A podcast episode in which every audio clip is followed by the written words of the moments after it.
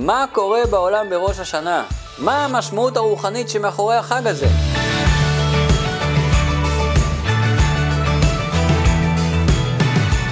אם נחפש את ראש השנה בתורה שבכתב, כמעט ולא נמצא אותו. מלבד פסוק שבו מופיע המצווה לתקוע בשופר ביום הראשון של החודש השביעי.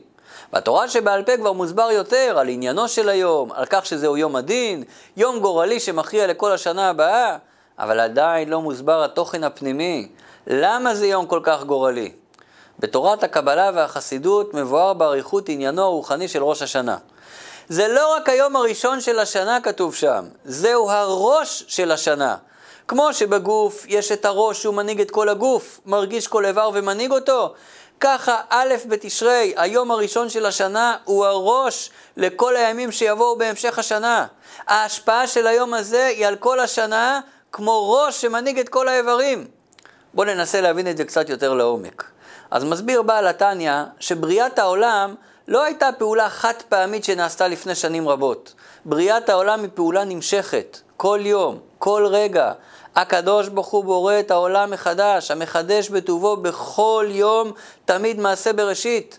הכוח של העולם להתקיים מגיע מהבורא, ואם לא היה את הכוח הזה, העולם לא היה יכול להמשיך להתקיים. בדיוק כמו הדמויות שאתם רואים רצות על המסך של המחשב, שבוודאי הן לא קיימות שם באמת. כל הקיום שלהם תלוי בתוכת המחשב, באותם קודים של אותיות ומספרים שיוצרים לנו את האשליה של דמויות על המסך.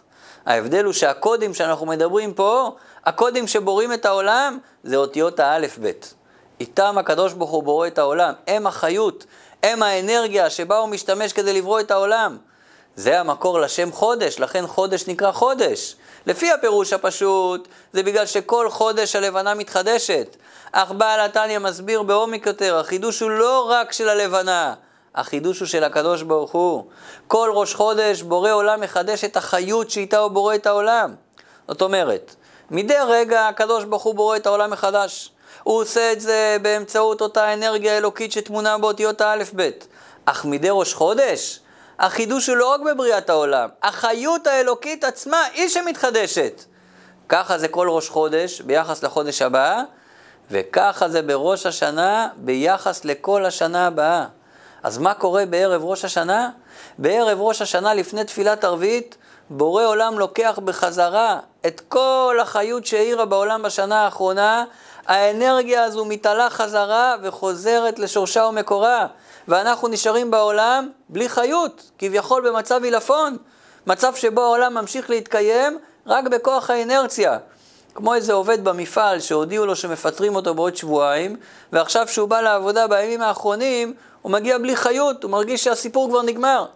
ככה זה גם בערב ראש השנה. הקדוש ברוך הוא לוקח חזרה את החיות של העולם, והעולם נשאר עומד כאדם ללא חיות. עד מתי? עד תקיעת שופר. ומה קורה בינתיים? אז שימו לב, כל חודש אלול אנחנו ערכנו חשבון נפש על השנה האחרונה, כמו בעל עסק שעושה ספירת מלאי ובודק את הכדאיות של המשך העסק, ככה גם אנחנו עשינו חשבון נפש, איפה היינו, מה עשינו, בדקנו את הכדאיות שלנו. האם להמשיך בדרך שבה הלכנו עד עכשיו, או אולי צריך לעשות שינויים?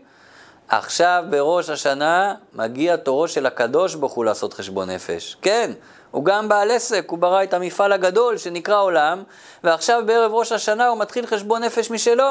האם כדאי להמשיך להחזיק את המפעל ואת הפועלים, או שאולי צריך לעשות שינויים? ההחלטה של חשבון הנפש שלו תלויה בנו. לנו יש את הכוח לגרום לו להחליט להמשיך עם העסק גם בשנה הבאה. השעות האלו בין ערב ראש השנה, שאז זה הסתלקות החיות, עד תקיעת שופר, שאז זה חזרת החיות, אלה השעות הקריטיות מבחינתנו, שבהם אנחנו יכולים להשפיע על ההחלטה של הקדוש ברוך הוא. בפרט תקיעת שופר. יש לנו את הימים של ראש השנה לשכנע אותו שאכן כדאי להמשיך ולהחזיק את המפעל. אבל כדי לשכנע אותו, אנחנו צריכים להוכיח לו שהשנה אנחנו הולכים להיות עובדים טובים. השנה נעשה כל מה שהוא מבקש. בראש השנה זה זמן לקבל החלטה מעומק הלב, שאנחנו מקבלים עלינו את עול מלכותו, וזה עיקר העניין של תקיעת שופר. תקיעת שופר זה הזמן של כל אחד מאיתנו, עם עצמו בפנים, להרגיש ולומר לו, השנה אני איתך עד הסוף. בזכות זה, בעזרת השם, יהיה לכולנו שנה טובה ומתוקה.